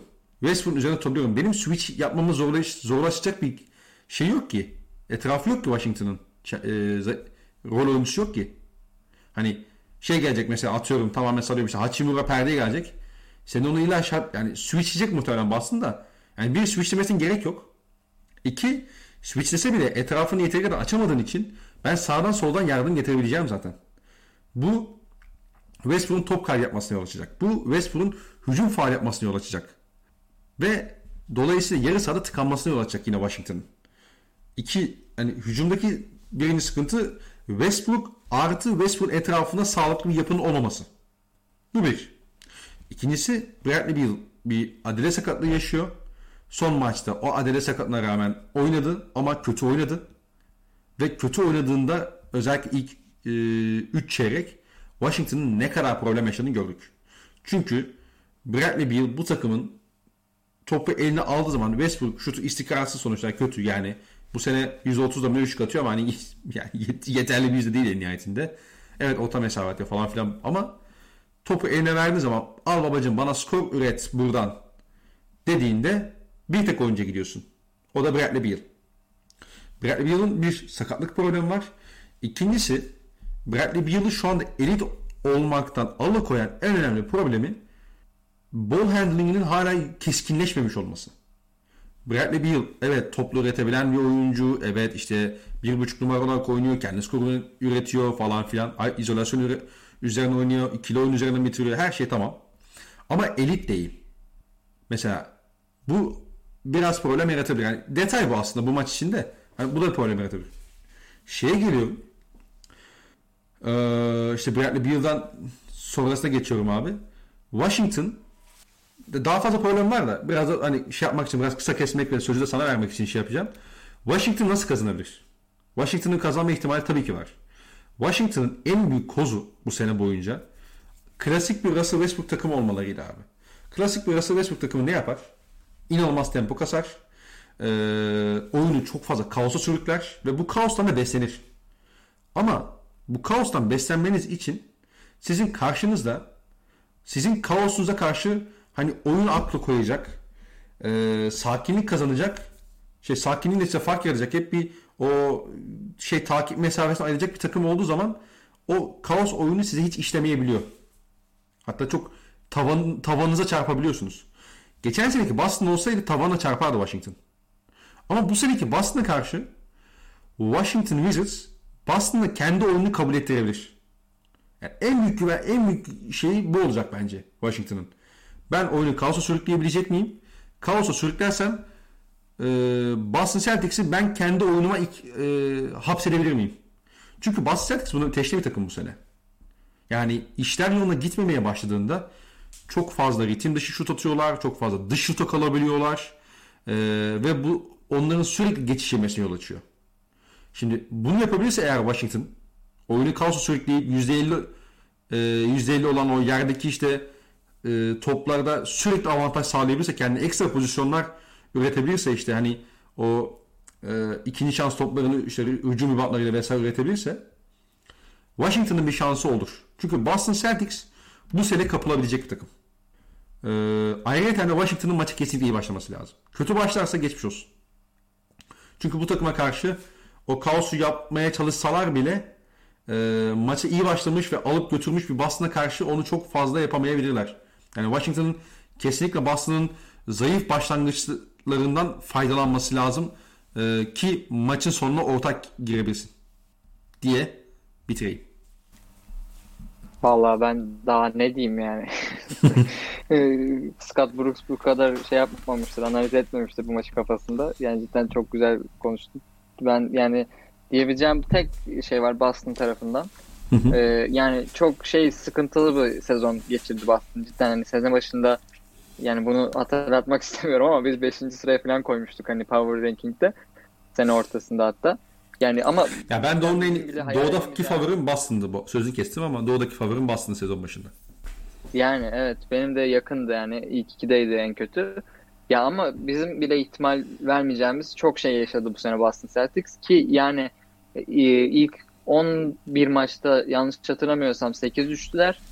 Tatum bayağı hani MVP kalibresinde top oynuyordu. Yani MVP olacak olmasa bile ilk 3'te 5'te olacak seviyede top oynuyordu. Tam o sırada Covid oldu Tatum. Hı hı. Ve yani oradan itibaren zaten çöküş başladı yani. Döndü Tatum evet ama Covid'den sonra dönen oyuncuların çoğunda gördüğümüz gibi hani bir süre ritim tutamadı. İşte Kemba'sı döndü, back to back'lerde oynamadı. İşte Fournier geldi, o bile maç kaçırdı bir, bir hafta. Marcus Covid maç oldu. kaçırdı. Efendim? Ee, şey Covid oldu. E, Fournier de Covid oldu. Ha, aynen aynen doğru. Şey sağlık protokollerine girmişti o da. Ee, yani Robert Williams son dönemde çok fazla sakatlandı. Yani tam kadro maça çıkamadan sene bitirdi adamlar. Yani o yüzden ben cidden üzgünüm Celtics sezonu bu hale geldiği için. Hı hı. Ve yani şu açıdan bakıyorum. Ee, eğer bu maçı kazanırlarsa 7. sırada olacaklar ve Brooklyn Nets'le eşleşecekler. Yani ben pek bir şansları olduğunu düşünmüyorum. Hele hele Jalen Brown yokken. ee, yani kaybederlerse ama hani ve 8. olurlarsa yani Philadelphia'ya karşı da şansları yok tabi de en azından onların Philadelphia'ya karşı olan bir psikolojik üstünlüğü var ya e, bu evet. son son 4-5 senedir sürekli playoff serilerinde karşılaştılar sürekli elediler. Yine eleme şansları yok ben elerler demiyorum. Ama Boston için daha iyi bir senaryo olduğunu düşünüyorum 8. olmanın. Yani ve hatta yani bu şey de e, Pick'in bu seneki drafttaki Pick'in bile bir iki sıra değişti, değiştirebileceği için hı hı. yani en iyi senaryonun 8. olmak hatta yani belki de zaten Jalen Brown da yok. Hani 8.yi bile bırakıp playoff dışı kalma olduğunu düşünüyorum bu sene. Çok üzülerek söylüyorum bunları cidden. Çünkü yani Tatum Brown çekirdeği benim bu NBA'de en, en sevdiğim, en bağ kurabildiğim çekirdek. Yani ama ta, daha ta, çok gençler tabii. Yani seneye bir iki takviyeyle ben e, ha, yine önemli adaylardan biri olacaklarını düşünüyorum. Ama bu sene yani olmadı. Olmadığını kabullenip belki de hani onlar da e, bu psikolojiye girdi derse hani maçı satarlar demiyorum ama daha az asıl, asılmalarına sebep olabilir bu. E, öyle olursa da senin bahsettiğin gibi yani karşında Russell Westbrook gibi bir adam var. Senin en ufak odak kaybında, en ufak böyle hani bir e, şey bir dinlenme durumunda sana gelip saldırabilecek ve bundan çok fazla avantaj çıkarabilecek bir oyuncu. Sen Westbrook şey e, eleştiri getiremeyiz. Yani ben o yüzden getir getir sıkıntı yok ya. ee, şey dediğin gibi kaos ortamı oluşursa maçta Boston'ın böyle birazcık hani e, maça odağından çok fazla bir basit hata yapabileceğini ve bunun da ve tam böyle Washington'ın isteyeceği senaryo olduğunu düşünüyorum. Bu yüzden kazanabilirler gibi geliyor ama tabii yani bu çok böyle şey fiziksel bir şey oldu, yorum oldu. Sen tamamen taktiğe taktiksel olarak açıkladın aslında Boston'ın çok net favori olduğunu. ama hani dediğim gibi şu an Boston'ın ben psikolojik olarak hani bu maçı böyle kazanmak için çok çaba harcayacağını düşünmüyorum. O yüzden Washington'ın şansı olduğunu düşünüyorum hani Boston'ı favori olarak görsem de. Öyle. Ya muhtemelen hani Washington'ın alacağı işte Washington tamamen şey üzerine açıkladık. Hani kaos üzerinden tempo üretmeleri işte ikinci şans toplarının bahsettik ama çok kısa şey de söyleyeyim. E, muhtemelen hani Marcus Smart'ın böyle 8 ila 11 arası falan üçlük denediğini göreceğiz biz. E, çünkü o şutları verecek şey e, Washington. Hani Smart'ın ya da işte atıyorum diğer hani rol oyuncuları işte Grant Williams olur bu e, Peyton Pritchard olur ya da işte hani diğer işte e, çaylaklar ya da işte genç oyuncular olur. Onların şut performansı tabii çok etkileyici, e, çok et, e, kritik, yani kritik olacaktır, çok etkileyici olacaktır e, maçın devamı için. Hani Washington'ın yani e, bazı oyunculara yoğunlaşıp bazılarını risk edip hani onların artık ne kadar soktuğuyla biraz yaş, yaş, maçta tutunup tutam, tutunamayacağını göreceğiz muhtemelen. E, Smart o konuda biraz kötü bir sezon geçirdi. E, kötü bir maç oynamasını daha ümit edecek yani Washington tabi diye de bitireyim. Yani son olarak şunu da söyleyeyim hani başta podcast'ın başında dedim hani çok kötü bir normal sezon oldu benim için diye. Yani bu normal sezonda hani böyle iyi olan nadir şeylerden biri de bu Washington Wizards'ın yükselişiydi yani. Sezona çok kötü girmişlerdi. Ee, bayağı hani 3 mağlubiyet mi neydi bir ara sanki.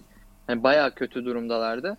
Orada hani şey bir yılın saha içindeki vücut dili olsun işte kaybedilen maçlardan sonraki vücut dili olsun hani takasını mı istiyor falan o muhabbetlere girilmişken Russell Westbrook cidden çok özel bir karakter koydu yani.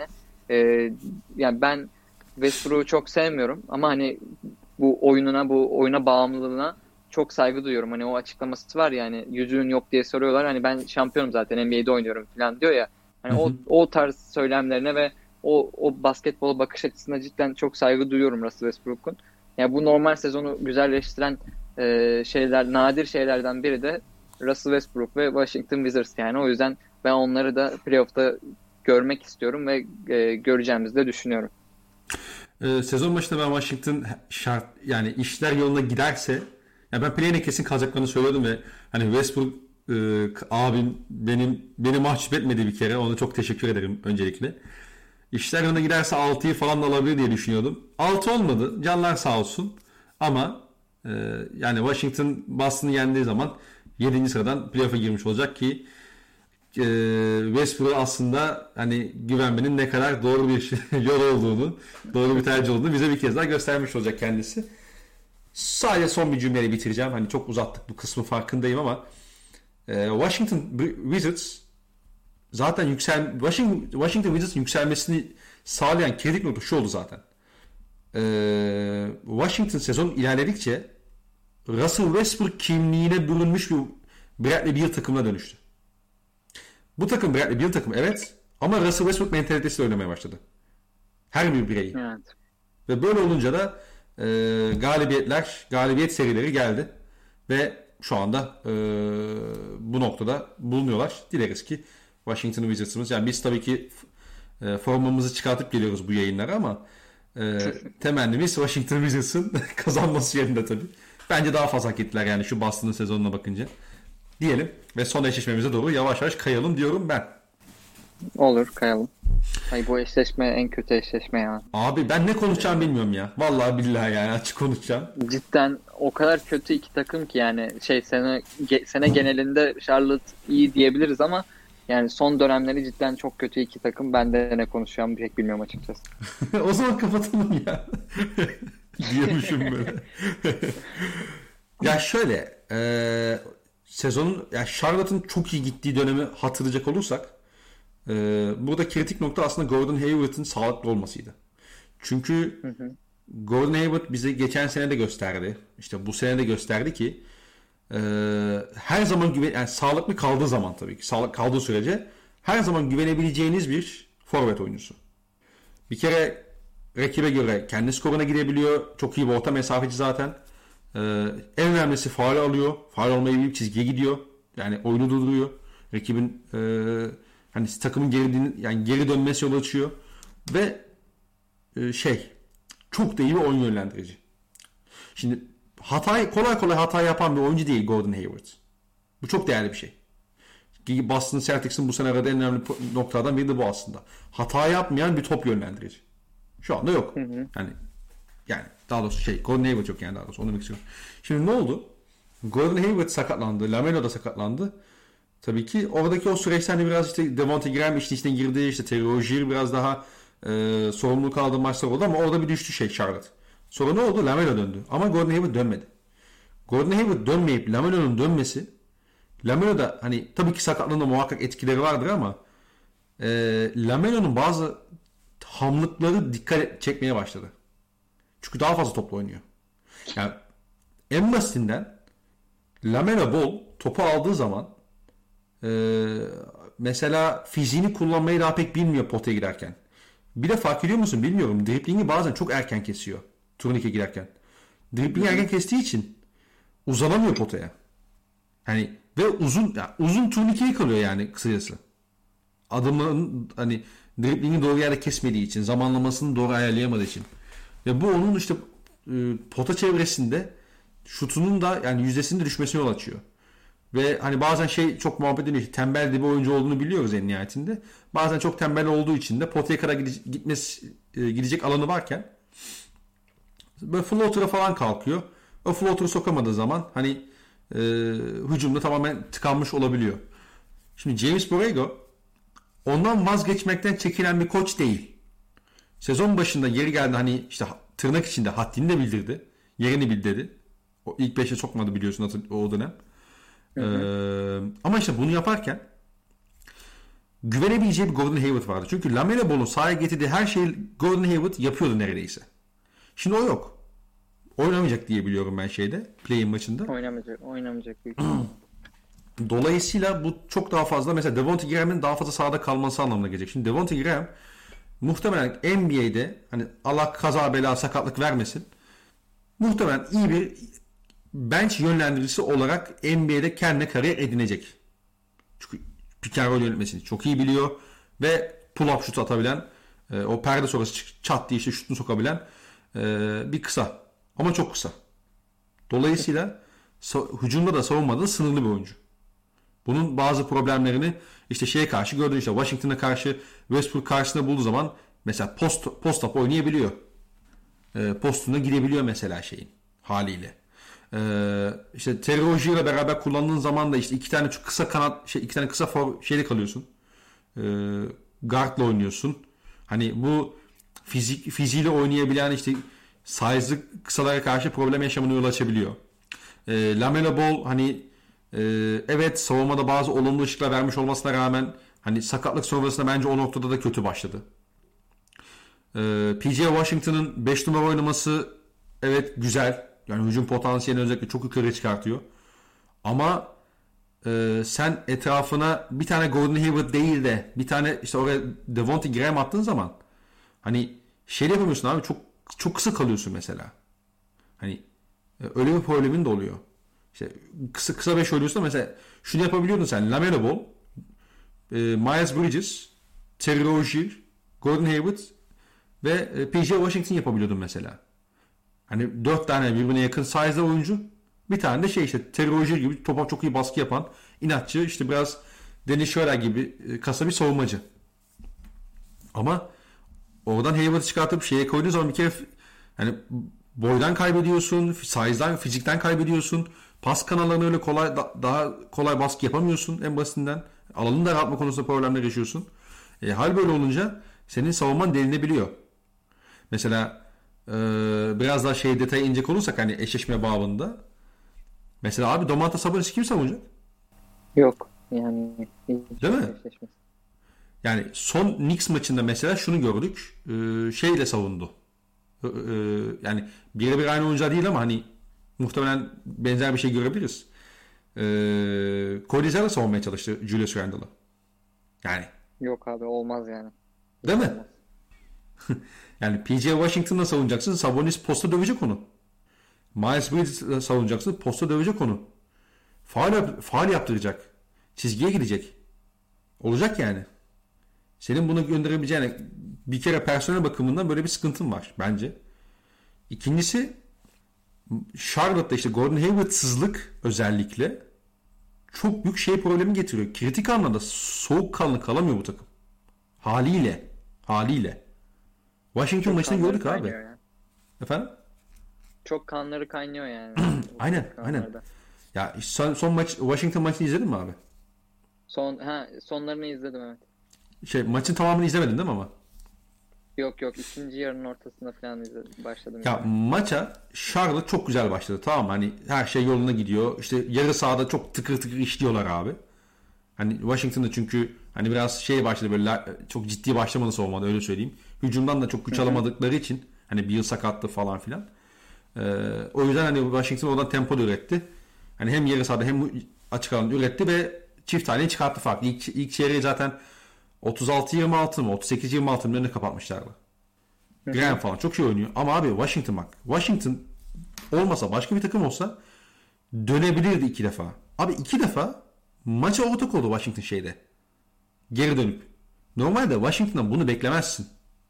Ama işte Washington'ın savunma sertliğini yukarı çıkarttığında, savunmada çok daha fazla sağa sola işte rotasyon yapmaya başladığında o 50-50 toplarını alıp iki hücum reboundlarını alıp ekstra sayı, pozisyon e, üretip oradan e, bir şekilde ekmek çıkarttığında fiziğiyle seni e, zorlamaya başladığında Charlotte'ın potaya gitmekten vazgeçtiğini, yarı sahada çok daha set temposunun aşağı düştüğünü düşürdüğünü gördük.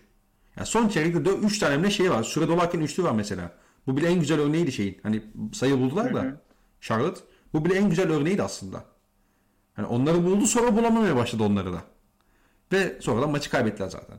Şimdi Sabonis gibi ondan sonra e, Malcolm Brogdon gibi topla hani çok böyle kolay kolay hata yapmayan, sürekli doğru karar verebilen ve sizden daha tecrübeli liderlere sahip olan bir takıma karşı mesela ben Charlotte'ın işinin zor olduğunu düşünüyorum. Ee, sen eklemek istediğin bir şey var mı? Ben devam edeyim mi? Yani şey Indiana açısından bakınca yani onlar için çok iyi bir sezon başlangıcı olmuştu. Yani sen Charlotte'a değindin. Ben biraz Indiana'ya değineyim. Ben sana ee, Indiana ile alakalı o zaman şöyle bir soruyla paslayayım mı? Olur tamam. Indiana'nın bu maçı kazanmak için motive olacağını düşünüyor musun? Yok abi ya. Yani tam onlara değinecektim ben de. Yani bu James şey neydi? Nate Nate Bjorken. Nate Bjorken. Yani hocayı çok övmüştük biz sezonun başlangıcında. Devlet ah ulan Devlet Karaz. Ah ulan. şey falan diyordu ya Malcolm bıraktın işte yok şey Nate Bjorken benim babam falan öyle şeyler demiş ya Devlet Karaz. öyle şeyler demişti bize. Sezon sonunda yani... ne babası ulan diye geri dönüş yaptı şeyden. yani hakikaten bu sezon ortasında işte zaten sezon başında TJ Warren sakatlandı, sezonu kapadı. Sonra işte Miles Turner e, sakatlandı. Abi bir şey soracağım. Oldu falan filan. TJ Warren oynadı mı bu sene? TJ Warren ilk 4-5 maç oynadı sanki ya. Ben hatırlıyorum sanki TJ Warren. tamam, okey. Göz, gözümde canlanıyor. Evet. Ee, yani ondan sonra cidden tepe taklak bir e, bayır aşağı giden bir sezon oldu Indiana için. Yani ben cidden sezonun ilk o ilk 10-15 maçlık sürecinde izlediğimiz Indiana'nın playoff ilk turunda can yakabilecek bir takım olduğunu düşünüyordum. Hı hı. Ama yani oradan buraya cidden çok tepe taklak geldiler. Yani Malcolm Brogdon zaten hani çok iyi bir oyuncu evet ama hani illa bir sakatlanıyor her sene. Bu ya yine yaşandı o bu senede. Ee, Sabonis dönüyor bu maça. Ama hani şey Sabonis de sezon içinde çok düştüğü yerler oldu. Sezona başladığı gibi götüremedi. Yani koçla yaşanan sıkıntılar zaten herkes görmüştür yani e, maçın ortasında koç ekibinden biriyle oyuncu arasında kavga çıktı. İşte Nate Björken'in otoritesini çok sorgulayan e, açıklamalar oldu oyuncular tarafından falan filan. Yani çok karmaşık bir ortam var Indiana'da. Hı hı. Indiana o açıdan e, yani bu maça motive çıkabilecek mi? Yani bence çıkamayacak. Ve ama hani ona rağmen bence Indiana kazanacak bu maçı. Çünkü Charlotte çok daha kötü durumda bence. Yani Terry Rozier'ın cidden düşen bir formu var. E, Hayward'ın yokluğunda takımın e, o gençlik, o şeyi ateşi biraz öne çıktı ve hani çok fazla yanlış karar veriliyor o Charlotte hücumunda. Bunu izlerken görüyorsun yani 5 hücumun 3'ünde neredeyse hatalı karar veriliyor. Bu da hani normal zaten. Lamelo daha ilk senesinde o ilk senesinde işte Devonta Graham hiçbir zaman karar vericiliğiyle öne çıkan bir oyuncu olmadı. Terry Rozier de aynı şekilde.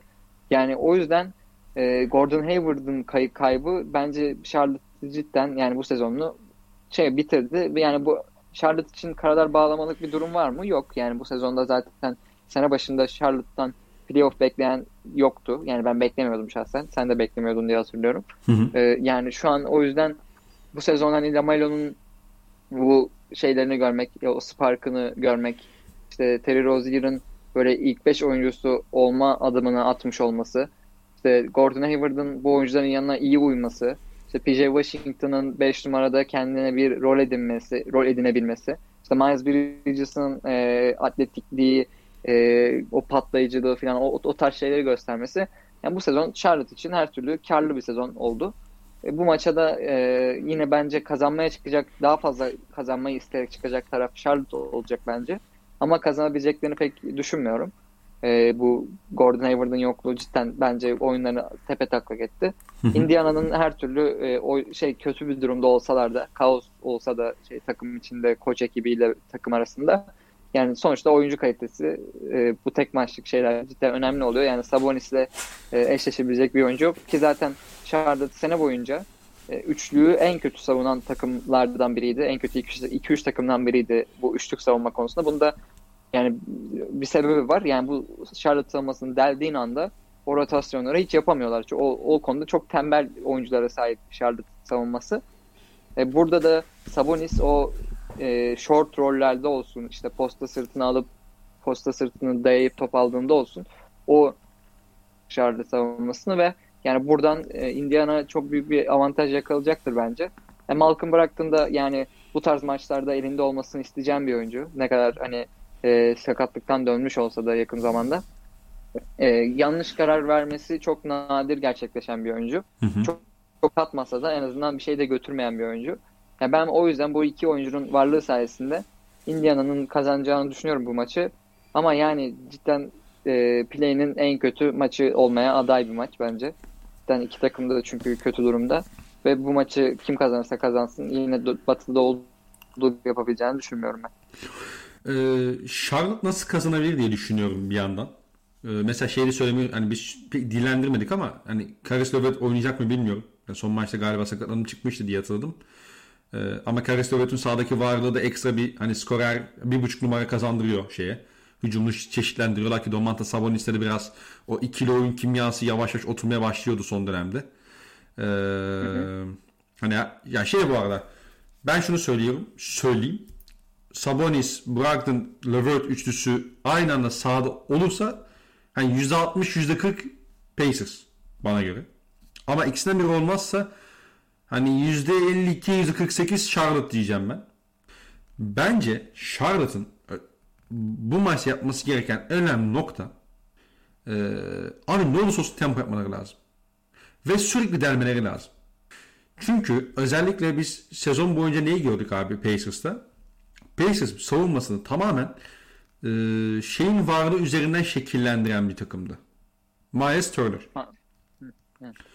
Turner evet e, hani tamam bir Rudy Gobert değil ama hani e, o orta gelirli bir ailenin Rudy Gobert oldu. Şimdi dolayısıyla bütün her şeyi sen Miles Turner'a atıyordun mesela savunmada. Diyordun ki ben seni tamamen Turner'a yönlendireceğim. Onun kaleciliğine güveniyorum. Elinden geleni yaptı. Hala kısanın karşısında kaldığı zaman o lateral hıza rağmen işte çok fazla hani e, basit hata yaptığını görüyoruz falan filan okey. Ya da işte atıyorum hani ikili sıkıştırmaya getirdiğin zaman devamında da kafası mallayabiliyor. Tamam okey. Ama pota çevresinde düştüğü zaman Turner özel bir savunmacı. Bütün defolarına rağmen. Ama ne oldu? Turner yok. Miles Turner yerine sen oraya Domantas Sabonis'i koyduğun zaman ya da işte Goga Bitatsia'yı koyduğun zaman hiçbir şey savunamıyorsun. Charlotte'ın iki tane şeyi çok ağırlık vermesi lazım az önce söylediğim gibi. Bir, ne olursa olsun delmesi lazım. Burada bence Terry kritik oyuncu. İki, tempo yapması lazım. Tempo çünkü e, yani özellikle Sabonis'i sahanın dışında hani kesinlikle sahanın dışına atacaklarından bahsetmiyorum ama hani şey kafaca diyeyim en azından. Sahaya atabilmenin yollarından biri de aslında hani hem savunmada üzerine gitmek hem de tempoda açık alanda işte Miles Bridges'ın ya da işte PJ Washington'ın atletizminden faydalanmak bunları yapabilirlerse Lamelo bu noktada işte hani son maçlardaki o artık ne diyeyim hamlığından mı ya da işte sakatlığın etkilerinden mi ne birazcık kurtulabilirse Charlotte'ın şansı artar.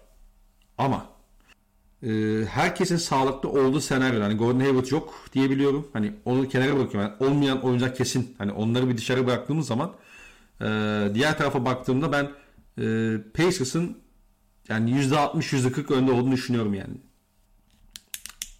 Böyle. Yani katılıyorum. Yani ama keşke yani Pacers kazanmasa. Ben yani Charlotte izlemek istiyorum açıkçası. Yani Charlotte da kötü durumda bahsettiğimiz gibi evet ama yani daha eğlenceli bir takım ve yani en azından evet. kaotik bir ortam yok takımlarında.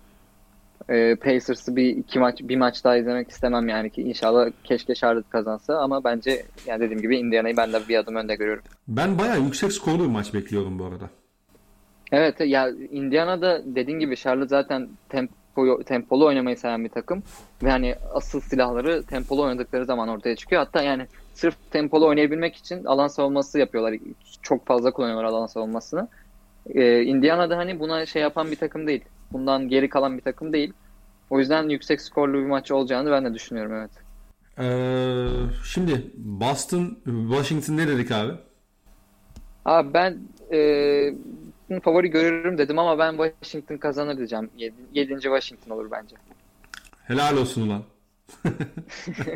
Birazcık da şey çılgın tahmin yapalım yani. Ne olacak? Ya benim çılgın tahminimi çalmış oldun ama. o şovu bana bırakmamın biraz üzdü ama sağlık olsun. baştan alalım, baştan alalım. yok yok. Ee, sen Washington dedin. Ee, 8. kim olur? 8. bence Boston olur ya. Yani ne kadar Pacers eler diyorsun olsa da. 8. lik maçında. Evet. Ee, ya ben de en fazla şey değiştiririm ya herhalde. Hani 7 Boston 8 Washington olur en fazla. Yani ne, şu Washington'ın bence- 7 olmasını ister, isterim bu arada. Neden isterim? Hani Harden, Durant, Westbrook. Bana çok güzel ekmek Aynen çıkar öyle. orada. Yani bir de o şey Wizards Nets maçları normal sezondaki tüm maçlar çok eğlen- eğlenceliydi Evet, yani. evet. Özellikle o e, son dakikada Nets'in saçmaladığı bir maç var ya. Evet. Hatta biz onun üstüne bir podcast kaydetmiştik hatırlıyorsun. Evet. Ben şey demiştim. Evet, Westbrook geri döndü abi. Ya o cidden eğlenceli bir seri olur. Ben de o yüzden biraz zaten hani Washington e, kazanır diye aslında biraz da temenniydi yani o tahminden çok. Anladım, anladım. Ben de yani kalpler bir diyorum. Ee, Zaten ikisiyle de eşleşemeyecek Washington'ımız. Bari en azından Boston şeyle daha iyi eşleşiyor. Ee, şeyle, Sixers'la, Nets'e nazaran. Nets, Hı hı. Nets Washington'da da hani Westbrook, Harden, Durant işte oradan bir hikaye uydururuz. Ben oradan 3-5 tane videodan ekmek yerim falan. Hani biraz da kendimizi düşünelim. Ee, dolayısıyla temennimiz o yönde. Tahminimiz o yönde olsun bari. Ee, bro şöyle bakıyorum 80 dakikayı devirmişiz. Maşallah. Maşallah. Yani Sen daha bir de utanmadan bana dedin ki bro gel hadi bir de eşleşmeleri konu- belli olan playoff eşleşmeleri konuşalım. ya bu kadar cidden ben, ben unutmuşum yani biz bayağıdır podcast çekmiyoruz ya hani az şey az şey konuşuyor gibi gelse de aslında hani bir buçuk saati rahat rahat doldurabildiğimizi unutmuşum. Yani benim e, yani boş yapma potansiyelimi biraz hafife almışsın gibi geldi bana. Estağfurullah canım. şey? Çok gevezelik yaptım bu program hakkında kusura da bakma böyle biraz rol çalmış gibi oldum. Ee, abi ağzına sağlık. Senin de ağzına sağlık abi. Benim aşım yok. Ben e, bizim devletimiz bizi bu konuda da şaşırtmadı Allah'a şükür. Yine yanımızda olmadı. O yüzden aşı, aşım yok ama e, sen hani turist olarak görüyorum seni. Ben, yine de benimle podcast yaptın. Bu yüzden de teşekkür ediyorum. Eyvah eyvah. Yani şu olacak o kadar skecine bağlamasaydın iyiydi ama.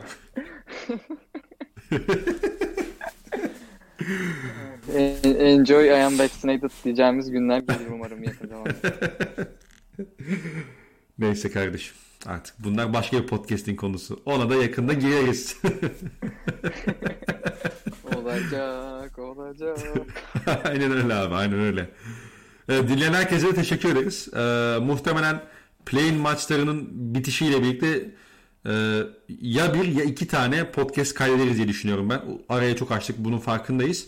Hani e, playoff'ları konuştuğumuz süreye bağlı olarak ya bir ya iki tane podcast kaydederiz. E, Batı Doğu diye. Bakalım. E, dinleyen herkese tekrardan çok teşekkürler. Bir sonraki yayında görüşmek üzere. Şampiyon Beşiktaş'ımızı da kutlarız. Ha evet doğru. Gamu Bao başta olmak üzere tüm Beşiktaşların şampiyonluğunu da kutluyorum. Hoşçakalın. Hoşçakalın.